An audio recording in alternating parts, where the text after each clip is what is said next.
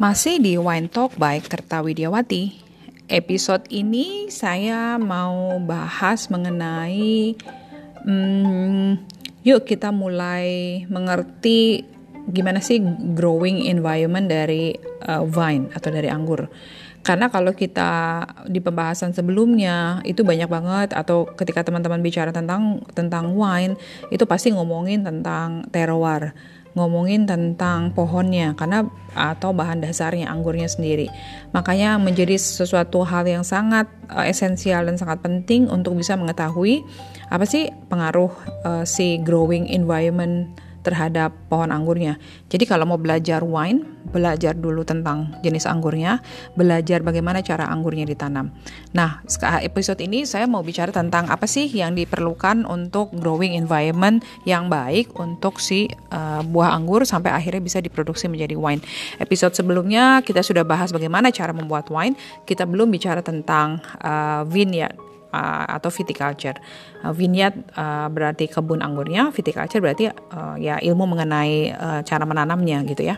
Nah, sekarang teman-teman kalau kita pikir ya sekarang assumptionnya jangan ke wine-nya kita pikir ke kebun anggur. Nah, bayangkan pohon anggur deh. Uh, udah pernah pernah lihat pohon anggur kan? Kalau belum Google aja deh. Kalau misalnya nggak ada, nggak uh, kebayang gitu kan. Nah, uh, apa sih yang diperlukan sama pohon anggur biar bisa dia hidup? Yang pertama dia perlu heat, perlu panas. Uh, panasnya itu kira-kira di atas 10 derajat baru bisa membantu untuk proses tumbuh gitu ya.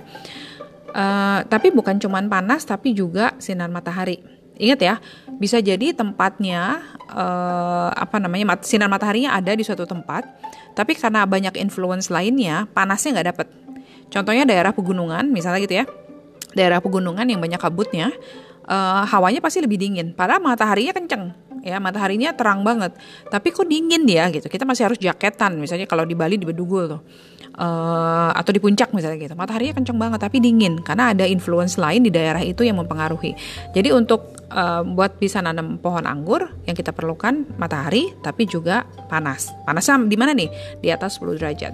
Terus kita perlu karbon dioksida, CO2 udah pasti perlu karena untuk semua tanaman ya. Ini secara berlaku secara general untuk tanaman. Air. Air penting banget. Uh, balik lagi, uh, walaupun di banyak region uh, ada aturan mengenai wine law di masing-masing region yang tidak memperbolehkan regionnya untuk melakukan irigasi hubungannya dengan air. Tapi ada juga yang bilang oh nggak saya nggak ngatur irigasi terserah kalian aja gitu ya ada kondisi seperti itu tapi menjadi sangat penting bahkan untuk region yang tidak memperbolehkan irigasi pun karena air masih diperlukan sama pohonnya pohon anggurnya berarti influence apakah di sekitarnya yang bisa memberikan supply air. Karena apa yang terjadi kalau kekurangan air ya tanamannya kering, pohon anggurnya kering nggak bisa tumbuh, nggak bisa berbunga, nggak bisa berbuah, gitu ya. Terus yang berikutnya adalah nutrisi. Nutrisi untuk pohon anggur datang dari mana? Datangnya dari soil. Tanahnya, istilah tanahnya itu kita sebut soil, gitu ya. Nah, setiap tanah pasti punya komponen yang berbeda. Betul nggak?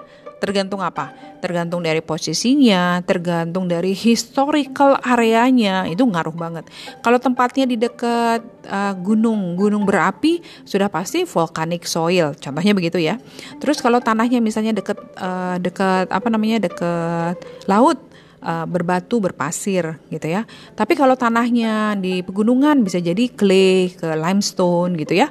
Ada beberapa jenis uh, apa namanya uh, soil uh, yang pastinya setiap jenis tanah akan memberikan reaksi yang berbeda terhadap tanaman yang tumbuh di atasnya, gitu ya. Itu artinya apa? Kita harus memastikan bahwa tanahnya atau soilnya cocok banget sama grape variety tertentu untuk bisa mendorong pohon tertentu bisa hidup. Nggak usah susah-susah deh kalau ngebayangin pohon anggur nggak kebayang, pohon yang lain lah ya. Kita kalau nanam pohon kelapa paling cocok di pinggir pantai, betul nggak? Tapi kalau kita coba tanam pohon kelapa di gunung, agak susah nanamnya. Kenapa? Ya cuman karena soilnya tidak sesuai dengan pohon kelapanya. Ke situ ya, ngebayanginnya biar lebih gampang. Oke, jadi apa aja yang diperlukan sama pohon anggur untuk bisa hidup? Pertama adalah panas atau heat yang di atas 10 derajat itu, 10 derajat Celcius. Kemudian matahari, karbon dioksida, water dan nutrisi dari soilnya. Itu punya 5-5 ini uh, anggur bisa hidup dengan baik gitu ya. Kalau ada salah satu elemen yang nggak punya, uh, agak struggle, agak susah untuk hidupnya, influence nanti ke kualitas anggur yang dihasilkannya. Oke, okay, mungkin masih bisa tumbuh, tapi hasilnya nggak bisa maksimal dan nggak bisa bagus untuk dibuat oleh uh, uh, untuk dibuat anggur nanti atau dibuat wine. Sekarang, tadi saya kan ngomongin heat ya, ngomongin panas di suatu tempat. Uh, panas di suatu tempat ada beberapa elemen yang bisa mempengaruhi. Tadi saya sudah sempat bilang ya, kalau di daerah pegunungan, kalau misalnya di daerah pinggir pantai gitu kan. Nah, yang pertama yang menentukan uh, faktor affecting heat area hal-hal apa saja yang mempengaruhi. Yang pertama adalah latitude. Latitude apaan sih? Latitude itu tempat uh, di mana dia berada di bumi. Kalau kita lihat gambar globe, ada garis-garis lintang, masih ingat ya? Kebayang nggak? Nah itu menunjukkan ada di lintang berapa, berarti kita ada di latitude berapa di bumi. Nah itu titiknya nggak bisa dipilih dong, itu kan pemberian Tuhan lah areanya ada di mana. Sekarang bayangin daerah yang paling panas, kalau bayangin globe ya, eh, bagian yang paling panas di dunia adalah di bumi adalah garis katulistiwa, ekuator, bener nggak? Indonesia ada di tengah-tengah, hampir di tengah-tengah ya. Kalau di pusatnya masih ingat nggak? Mana Samarinda ya, yang kena ekuator. Uh, ekuator adalah tempat yang paling panas. Kita bilang tropik. Perhatikan ya, yang di daerah ekuator, di daerah garis katulistiwa, uh, iklimnya tropik.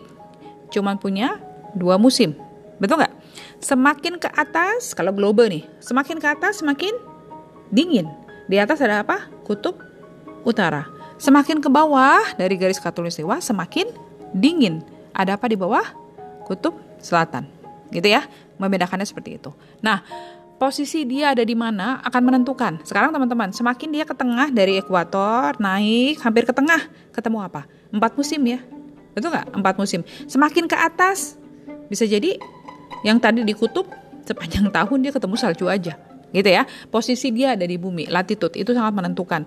Uh, karena balik lagi, agar bisa pohon anggur itu tumbuh akan sangat dipengaruhi dari musim berapa musimkah berapa uh, apa iklim apa yang mempengaruhi uh, bagaimana dia tumbuh.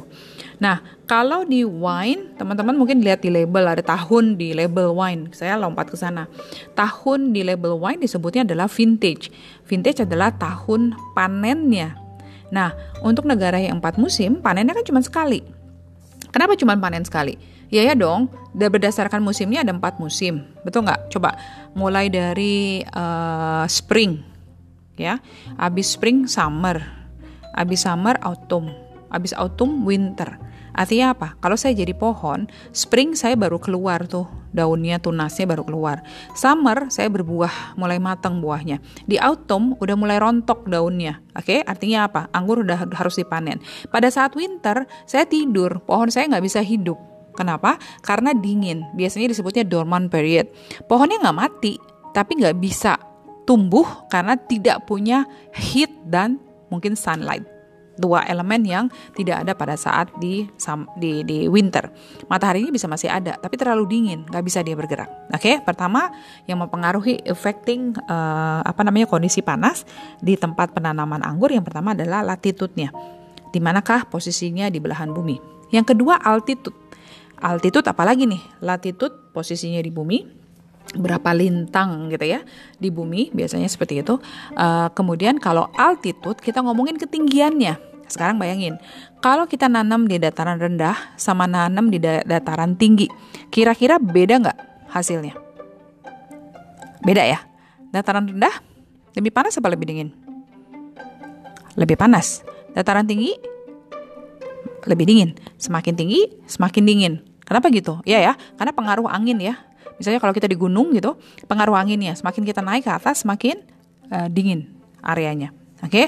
Nah, kemudian uh, latitude posisi di lintang bumi dan altitude. By the way, kalau latitude uh, yang dianggap sebagai uh, latitude yang paling cocok untuk nanam anggur adalah latitude di 30 sampai dengan 50 derajat. 30 sampai 50. Coba perhatikan nanti kalau ada kesempatan untuk lihat globe, lihat deh negara-negara apa sajakah yang masuk ke latitude 30 dan 50 yang dianggap sebagai negara yang paling cocok untuk menanam anggur dengan kondisinya. Oke, sementara di Indonesia menarik teman-teman. Uh, di Bali kita lintangnya 8 derajat. Bayangin ya, udah hampir mau ke ekuator. 0 derajatnya adalah ekuator. Kita di 8 derajat. Sementara uh, yang paling uh, ideal katanya untuk nanam anggur uh, lintangnya 30 sampai 50. Tapi masih bisa nanam anggur di Bali? Bisa tuh ternyata. Masih bisa. Challenge-nya lebih banyak. Sudah pasti challenge-nya lebih banyak, karakteristiknya pun berbeda. Nah, sekarang apalagi mempengaruhi heat? Ocean current. Nah, itu menjadi penting. Teman-teman, kalau kita duduk di pantai, panas ya di pantai lebih panas. Biasanya yang mendinginkan daerah pantai apa? Angin dari laut. Ya, ya, angin dari laut. Artinya apa? Boleh aja kita altitudenya di 0 derajat. Ya, 0 derajat altitude artinya kita sepadan dengan uh, sepadan dengan uh, ini apa namanya daerah laut gitu ya. Di di sepan, sepadan dengan uh, dengan laut.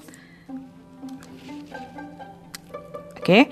sepadan dengan laut. Apa yang terjadi? Uh, panas dong tempatnya. Apa yang mendinginkan? Ocean current, angin dari laut yang akan membantu untuk mendinginkan uh, area tempat menanam di uh, altitude yang rendah. Kemudian apalagi yang akan mempengaruhi panas? Bisa jadi tempatnya di tempat panas, tapi daerah tertentu ada kabut. Setiap jam tertentu ada kabut. Artinya apa? Akan membantu mendinginkan area tersebut. Bisa jadi ada suatu region yang panas banget gitu kan. Nah, kalau panas banget artinya apa? Bayangkan ya, kalau buah panas banget berarti proses fotosintesisnya cepat banget ya nggak karena mataharinya banyak kan proses fotosintesis bagaimana memaksimalkan uh, cahaya matahari tadi terhadap uh, terhadap apa namanya tanaman. Nah, uh, apa yang membantu mendinginkan daerahnya misalnya tadi kabut, ada kabut di pagi hari gitu kan. Nah, kabutnya membantu mendinginkan areanya jadi nggak terlalu exposure terhadap mataharinya yang cukup tinggi. Ya, kita mau cari balance-nya. Karena balik lagi anggur bisa hidup kalau dia menemukan kenyamanan. Terlalu panas nggak bisa hidup, terlalu dingin nggak bisa juga hidup gitu kan. You have to have the balance between biar bisa growing environmentnya bisa mendukung dia menghasilkan anggur yang lebih baik. Kemudian apa lagi? Uh, soil. Tadi tadi saya udah bahas mengenai soil. Jenis soil kan beda-beda. Tapi ada juga soil tertentu yang bisa membantu menghangatkan areanya. Contohnya kalau soilnya warnanya gelap banyak berbatu gitu ya banyak batunya uh, itu biasanya batu tadi membantu mengobserve uh, atau menyerap panas. Jadi bayangin gini uh, nanam pohon di sekitarnya uh, tanahnya itu lebih banyak batunya. Uh, apa yang terjadi? Ketika matahari kena di, di pohon termasuk juga di tanahnya. Karena dia tanahnya berbatu si batu tadi menyerap panas lebih banyak. Apa yang terjadi? Karena batunya panas tanah di bawah batunya pun akan lebih hangat. Jadi soil tadi jenis uh, tanah yang berban, berbatu membantu untuk menghangatkan uh, tanah atau soil di bawah uh, di terutama di uh, tanah yang berbatu tadi. Jadi lumayan membantu untuk menangkap. Nah, kayak begini biasanya contohnya region di Jerman. Nah, salah satu region di Jerman Mosel uh, tempatnya di uh, altitude yang tinggi tanahnya berbatu cuman. Nah, di sana kan daerahnya dingin tuh di Jerman. Salah satu yang bisa membantu daerah itu untuk bisa mendapatkan kualitas panas yang jauh lebih baik di soilnya adalah melalui bantuan dari soilnya yang berbatu. Karena waktu mataharinya exposure, si batu tadi menyerap lebih banyak uh, panas yang bisa membantu untuk menghangatkan tanahnya. Seru ya? Gila loh sampai segitunya nge memperhatikan influence-influence tadi uh, yang bisa membantu heat. Oke, okay? nah uh, berikutnya yang mempengaruhi panas lagi di growing environment adalah aspek. Kita udah bicara latitude, udah tahu ya apaan. Altitude udah jelas. Ocean current. Kemudian fog atau kabut. Soil. Yang terakhir adalah aspek. Aspek apa sih? Aspek itu posisi si kebun anggurnya menghadap ke mana terhadap matahari kepo banget sih mau harus diliatin bagian mana dia menghadap ke siapa. Perlu nggak sih?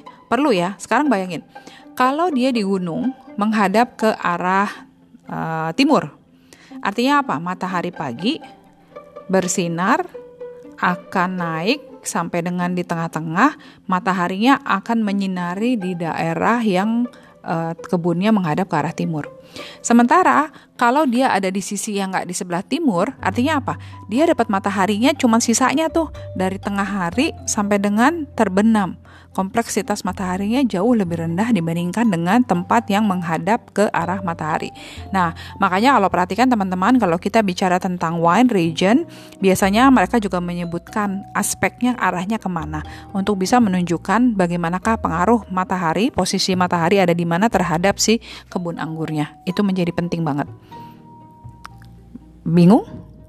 Mudah-mudahan enggak ya. Ternyata baru ngomongin growing environmentnya aja udah banyak banget elemen yang kita harus pikirin. Betul nggak? Oke, sekarang saya mau lanjut lagi. Ada hal lain yang mempengaruhi di uh, growing environment yang ada istilah disebut continentality dan diurnal range. Makhluk apa lagi ini? Oke, kita belajar ya.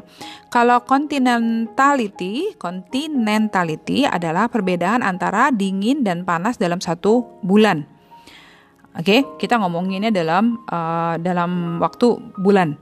High continental punya uh, apa namanya perbedaan antara setiap musimnya. Jadi antara musim yang satu. Jadi kalau panas terang lagi musim summer terik banget mataharinya. Begitu ke autumn turun temperaturnya. Naik turunnya temperatur tadi akan sangat mempengaruhi. Kenapa sih sampai harus segitunya? Ingetin ya teman-teman ya proses menanam anggur berpengaruh sekali terhadap proses fotosintesis Fotosintesis bisa kick off kalau ada tadi ada nutrisi, ada air, ada apa namanya matahari, ada sinar matahari dan ada hawa panas baru bisa fotosintesisnya on. Artinya apa? Semakin lama paparan mataharinya, semakin perbedaan antara bulan ke bulannya berbeda akan sangat mempengaruhi kualitas uh, pohon anggurnya untuk menghasilkan buah anggurnya yang tepat gitu ya. Karena kalau misalnya flat, datar sama terus artinya apa? Kompleksitas flavor komposisinya pasti nggak akan terlalu jauh beda dibandingkan dengan yang bulan-bulannya berbeda. Continentality perbedaan setiap bulannya gitu ya, panas atau dinginnya di eh, masing-masing uh, bulan yang berbeda. Kalau diurnal range, diurnal range kita ngomongin perbedaan antara pagi hari sama malam hari. Ngapain sih? Beda nggak? Di Indonesia hampir sebagian besar contohnya kayak di Bali ya. Diurnal range-nya tuh very low, kecil banget. Artinya perbedaan antara siang hari sama malam hari nggak terlalu jauh beda. Paling kalau malam dropnya cuma 2, 2 derajat, 3 derajat, segitu aja. Tapi kalau ada satu daerah yang kalau siang panas banget, kalau malam dingin banget. Nah itu akan mempengaruhi nanti ke kualitas si uh, pohon anggurnya. Bagaimana saat dia uh, ripening, terutama pada saat uh, dari bunga kemudian menjadi buah uh, sampai kematangan buahnya gitu ya. Karena pada saat siang hari ketika dia panas fotosintesis artinya apa? Yang bekerja uh, di pohon anggur adalah uh, merubah uh, komponen yang ada di dalam uh, buahnya untuk bisa mendapatkan sugar komponen yang uh, lebih tinggi karena perlu panas fotosintesis sugar yang naik. Sugarnya naik, flavor komposisi uh, flavor komposisi dari buah anggurnya juga naik. Sementara kalau kita uh, apa namanya malam malamnya dingin, apa yang terjadi? Karena nggak ada fotosintesis, yang develop dari buah anggurnya adalah acidity. Nah, kadang ada fotosintesis acidity yang develop. Apa yang kita mau lakukan adalah uh, good quality grape harus punya sugar komponen yang cukup, flavor komponen yang juga cukup, dan acidity yang juga cukup. Kalau ada salah satu elemennya yang nggak ada, uh, itu nanti bisa mendorong pembuatan wine yang jadinya kurang kurang kurang baik balance-nya ya. Flavor komponennya kurang baik. Bisa jadi juga nanti menentukan jenis uh, tipe wine apakah yang mau dibuat berdasarkan jenis anggur yang kita dapatkan dari hasil panennya tadi. Sampai situ. Ketemu ya? Oke saya ngulang lagi biar teman-teman gak lupa. Anggur perlu matahari sinar matahari perlu panas karbon dioksida perlu air dan perlu dengan nutrisi. Apa saja yang mempengaruhi untuk bisa uh, hawa panas di daerah growing environment? Latitude, posisi dia di bumi, altitude, ketinggiannya, ocean current, angin laut yang mempengaruhi mendinginkan areanya atau menghangatkan areanya. Ada dua ya, air, air, air laut, angin laut bukan hanya mendinginkan tapi juga bisa menghangatkan area tertentu gitu ya, tergantung di manakah posisinya dia di latitude-nya tadi. Kemudian fog, fog atau kabut bisa membantu juga untuk mendinginkan uh, area tertentu biar nggak terlalu panas agar si growing environmentnya masih nyaman buat si uh, pohon anggurnya. Soil jenis jenis tanah menjadi sangat uh, mempengaruhi uh, kualitas dari penanaman pohon anggurnya. Jenis tidak semua pohon anggur bisa sesuai dengan soil apa pun ya. Ada best pairingnya. Uh, soil tertentu bisa menghasilkan grape variety, variety tertentu. Nanti kita akan bahas pada saat kita ngomongin grape variety. Kemudian aspek menghadap ke manakah kebun anggurnya terhadap matahari. Nah itu akan mempengaruhi uh, tingkat panas yang juga dimiliki oleh uh, uh, pohon anggurnya untuk bisa melakukan fotosintesis. Tadi saya sempat bahas tentang continentality. Ingat ya, continentality adalah perbedaan antara musim yang uh, setiap musimnya bulan per bulannya, mana yang musim dingin, mana yang musim panas. Sementara kalau kita ngomongin diurnal range, berarti perbedaan ada perbedaan temperatur di hari itu. Paginya gimana, malamnya gimana. That is uh, apa namanya uh, kondisi yang mesti kita lihat. Oke, okay? nah sekarang saya mau lanjut ke climate atau ke cuaca ya. Climate atau ke cuaca, teman-teman bayangkan kalau kita lihat globe uh, dari mulai garis katulistiwa tadi, ada North Hemisphere, ada South Hemisphere. North berarti yang di bagian atas ya sampai ke kutub utara. Kalau South berarti yang di bagian bawah kalau kita lihat dari globe. Nah, hemisphere berarti uh, apa namanya kondisi yang mempengaruhi dia bulannya berbeda. Sekarang bisa lihat ya, uh, kalau uh, berdasarkan musim dan posisi dia ada di mana, apakah dia di north atau south hemisphere tadi, akan membedakan pada saat growing seasonnya. Contohnya kalau di north hemisphere itu growing seasonnya anggurnya bisa hidup dari mulai bulan April sampai dengan Oktober. Sementara kalau di uh, Southern Hemisphere, anggurnya bisa hidup dari Oktober sama April. Makanya kalau teman-teman misalnya mau uh, lihat uh, apa namanya uh, pada saat kapankah buah anggur di harvest di region tertentu, tergantung dia ada di hemisfer mana, di North atau di South gitu ya.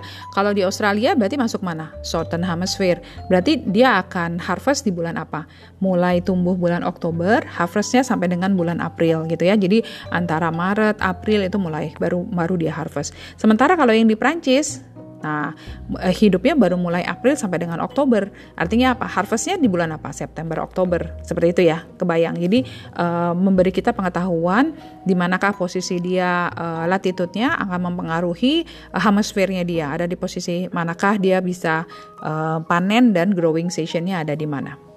Sampai sini mudah-mudahan nggak bingung ya teman-teman ya. Ternyata banyak banget uh, apa namanya kondisi yang mempengaruhi apa saja yang bisa mempengaruhi uh, growing environment untuk bisa mendorong uh, menanam buah po pohon anggurnya. Kita benar-benar starting from the basic mulai dari uh, environment apa yang mempengaruhi si pohon anggur bisa tumbuh. Cukup menarik? Mudah-mudahan nggak bingung. Diulang dengarnya ya, karena banyak sekali informasi baru yang saya share melalui episode ini. Uh, masih di Wine Talk by Kerta Widiawati. Episode ini kita bahas Understanding Growing Environment. Sampai ketemu di episode berikutnya, kita akan terus bicara tentang hal-hal menarik mengenai wine. Sampai episode berikutnya. Bye.